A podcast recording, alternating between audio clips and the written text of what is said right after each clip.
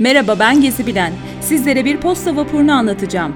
Bandırma gemisi ilk olarak 1878'de Glasgow'da inşa edilir.